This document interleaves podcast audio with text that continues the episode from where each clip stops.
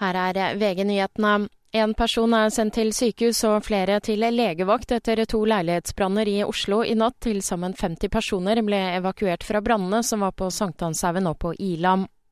Personopplysninger også om mindreårige har ligget åpent tilgjengelig på gule sider. Reporter er Miriam Alsvik. Toppsjefen i Eniro, som eier nettstedet, sier at de tar det svært alvorlig, og har allerede satt i gang med å fjerne opplysningene.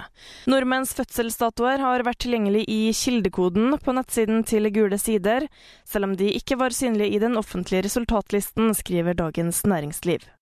I Polen har ukjente gjerningsmenn utført sabotasje mot et godstog. Gjerningsmennene kom seg på toget og tømte ukrainsk korn fra åtte vogner utover skinnegangen, opplyser politiet til polske medier. Bakgrunnen antas å være polske bønders protest mot import av billige landbruksvarer fra Ukraina.